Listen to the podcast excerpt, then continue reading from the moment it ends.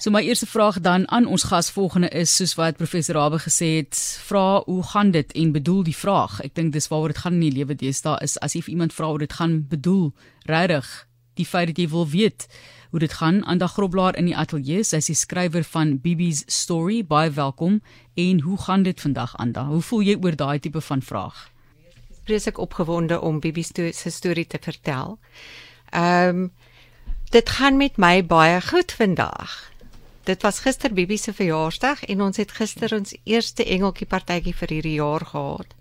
So ek en Lanay, my oudste dogter, wie se idee dit oorspronklik was, het 'n paar babagoetjies by Hannah's House of Safety gaan aflewer en dit is wat ons elke jaar doen. Ons ondersteun Jock ehm um, met die ongelukkige kindertjies en dan doen ons ook gewoonlik 'n ander ehm um, area ook.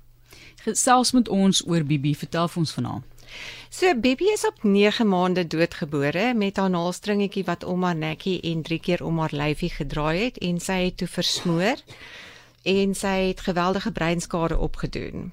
Ehm um, en dit was baie snaaks die oggend toe Len vir my sê maar Bibi het nie geskop toe hy haar geraak het nie. Ek moet dadelik dokter toe gaan. Toe sê ek ja ja, ek sal, maar ek het eers 'n vergadering gehad met die mediese fonds nogal. En toe ek uiteindelik onthou om dokter toe te gaan, toe bel ek toe dokter in die teater, maar die ontvangsdame het gesê kom in. En toe ek by die kantoor uitstap, toe vra die sekretaresse ek moet asseblief vir hulle 'n fotootjie stuur. Toe sê ek nee ek kan nie. Toe weet ek Bibi is dood. Dit is die ongelooflikste ervaring. Dis iets wat ek nie regtig vir iemand kan beskryf nie. Maar ek het 'n hospitaal toe gery en ek het 'n vriendin gebel en gesê jy moet nou dadelik hospitaal toe kom um, want Len gaan jou nodig kry en sy het gevra hoekom ek kan nie vir gesê het nie ja en nou ja ons het aangekom by die hospitaal. Ehm um, ek was op die sonaar gesit. Bibi het in 'n fetusposisie gelê. Daar was geen hartklop nie. En sy was dood. Sjoe, wat 'n verskriklike ervaring moet dit nie wees nie. Jou aanvaarding daarvan kom voor in die proses asof dit jy was vinnig in die posisie waar jy besef goed Bibi is oorlede en ek aanvaar dit so of of spring ek nou dinge vooruit hierson. Weet jy wat, dit was uh, in daardie oomblik het ek besef sy is dood. Uh maar dis nie iets wat mens dadelik aanvaar nie want jy wil vra maar liewe Vader, hoekom doen jy dit met my? Want ja. ek kan kyk na my kind, ek kan vir haar 'n toekoms gee. Daar's ander mense wat in die strate loop wat hulle kinders in sakke weggooi wat hulle nie wil hê nie. En dan verstaan jy nie hoekom hierdie met jou gebeur het nie. Maar vandag kan ek regtig sit en sê ek verstaan dit 100% want ek het ek het iets daarin gevind wat ek met die wêreld kan deel en dit is vir my so lekker. Ja. Hoe lank gelede is dit nou? So Bibi was gister presies 21 jaar oud. Sjoe. En 21 jaar later en soos wat professor Rabok gesê het, dit gaan nooit nie. Dit gaan nooit in jou lewe eintlik as jy vra hoe gaan dit dan nou vandag nie. Weet jy, ehm um, dit gaan. Dit gaan om ek ek vir my gaan dit want ek het waarde gevind in Bibi se se doodgeboorte maar daar's altyd 'n gat want daar's altyd 'n moedersdag daar's altyd 'n kersfees daar's altyd 'n Bibi se verjaarsdag. Daar's altyd 'n ding van ek wonder hoe sy sy gelyk het. Wat sy haar geaardheid gewees het. Wat se stokperdjie sou sy gekies het so daar's altyd dit maar daar's ook waarde aan van aan dit wat gebeur het Hoekom is dit vir jou belangrik om die gesprek oor Bibi voort te sit? Om nie soos wat baie ander mense doen want dit is eintlik net vir dit te swaar en te hartseer uh dit stil te hou en en dit eenkant te sit en nie verder daaroor wil gesels nie. Hoekom moet jy besluit jy wil haar lewendig hou deur hierdie tipe van gesprekke? Ek het gesien hoe mense vashak in hulle rouproses en dan 30 jaar later is hulle nog steeds waar hulle was toe daardie geliefde persoon oorlede is. Maak nie saak of dit jou man of jou vrou of jou kind is nie. Ek wil nie hê mense moet vashak in hulle rouproses nie. Ek wil hê hulle moet kan beweeg van hulle rouproses af na 'n plek waar hulle vrede het, na 'n plek waar hulle waarde kan vind. Ek kan dit nooit regmaak nie, die gat gaan altyd daar wees. Maar ek kan jou help om nie vas te haak nie en ek kan jou help om 'n vol gelukkige lewe te lei en nie net op 'n outomatiese patroon aan te gaan met jou daaglikse take nie. Jy is ingeskakel by 360. Dit is die stem van Anda Groblaar en sy eh, herdenk haar afgestorwe dogter Bibi wat ons nou leer ken het deur engelpartytjies. En jy sê ook jy kan mense nou help om nie vas te steek nie om 'n lewe te nog te kan leef, 'n waarde te kan vind in hulle lewe nadat hulle kind oorlede is. Op watter manier doen jy dit?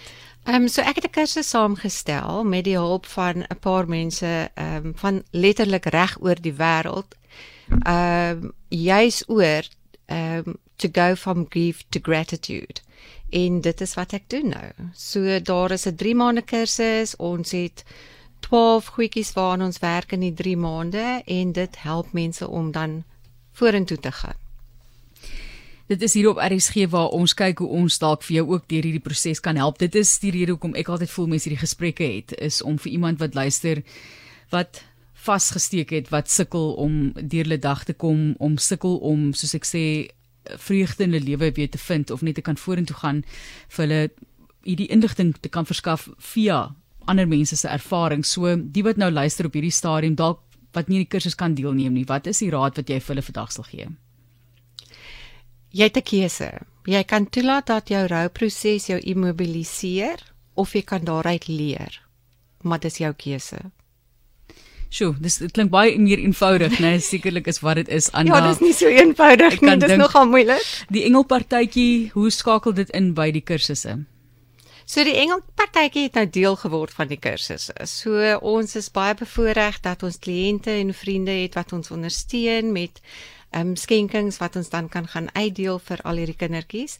En die engeltjie partytjies ehm um, is nou ook verlede jaar en hierdie jaar um, wêreldwyd gevier. In Indië het ons twee partytjies gehad, in Spanje het ons een partytjie gehad. In Marokko het ons een partytjie gehad en dit is mense wat hierdie kursus saam met my doen en wat hulle eie engeltjie partytjies begin het om hulle eie geliefdes te herdenk. So ek is geweldig opgewonde daaroor. Dis fantasties. Indien jy meer inligting soek, kan jy van e-pos stuur bring by rsg.co.za as jy in verbinding met Anda wil tree, kan jy gerus so maak en dit is hierdie baie belangrike engelpartytjies. Hulle is ook betrokke by baie dinge en byvoorbeeld Chok, ons dink aan die werk wat hulle doen en die Tygerberg Hospitaal daar by die onkologie afdeling natuurlik ook. Hierdie engelpartytjies baie belangrik vir Anda en vir haar dogter, wie se idee dit was by ouend, haar oudste dogter wat toe op die stadium wat Bibi doodgebore is 4 jaar oud was.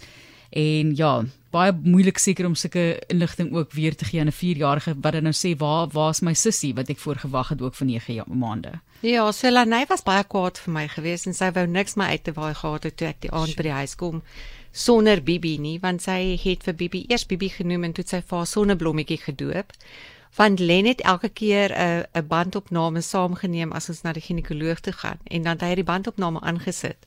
En dan het hierdie babatjie gelag. So Lanetjie het hierdie band gevorm met die lagende babatjie in mamma se maag en sy kon nie wag vir hierdie babatjie om te kom nie. En toe Bibi nie huis toe kom nie, toe is dit vir dis onregverdig. Ja. Ek het haar ontneem van iets en sy wou regtig niks met my te doen gehad het nie. Ehm um, sy het op 'n stadium pappa het baie mooi met haar gepraat, toe sy vir my die mooiste tekeningkie geteken van die saadjie wat pappa in mamma se maag geplant het en mamma huil sulke lang trane, maar mamma het ook 'n glimlaggie op want as Lanay na mamma toe kom dan lag mamma. So Anda, hoe moeilik, hoe moeilik, hoe moeilik. Dit is nie net jou eie verwerking nie, dis die mense rondom jou wat op jou staat maak om dit saam met hulle te verwerk. Ons sê vir jou baie dankie. Dankie dat jy hierdie partytjies aanbied dat jy 'n kursus saamgestel het vir mense om nie in die lewe van rou vas te steek nie, maar te kan vorentoe gaan en ek is baie bly dat dit gaan in terme van hoe dit gaan in jou lewe.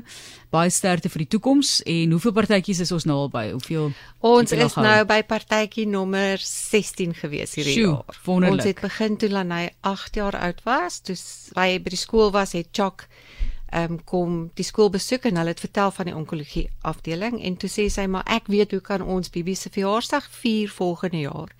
Toe vra ek vir hoe gaan ons dit doen? Toe sê sy met 'n engeltjie partytjie. Baie baie mal oor hierdie kind van jou. Lenay, baie dankie vir die inisiatief wat jy ook geneem het en baie dankie weer eens aan die Groblaar, die skrywer van Bibi Story. Baie dankie Anda. Baie dankie.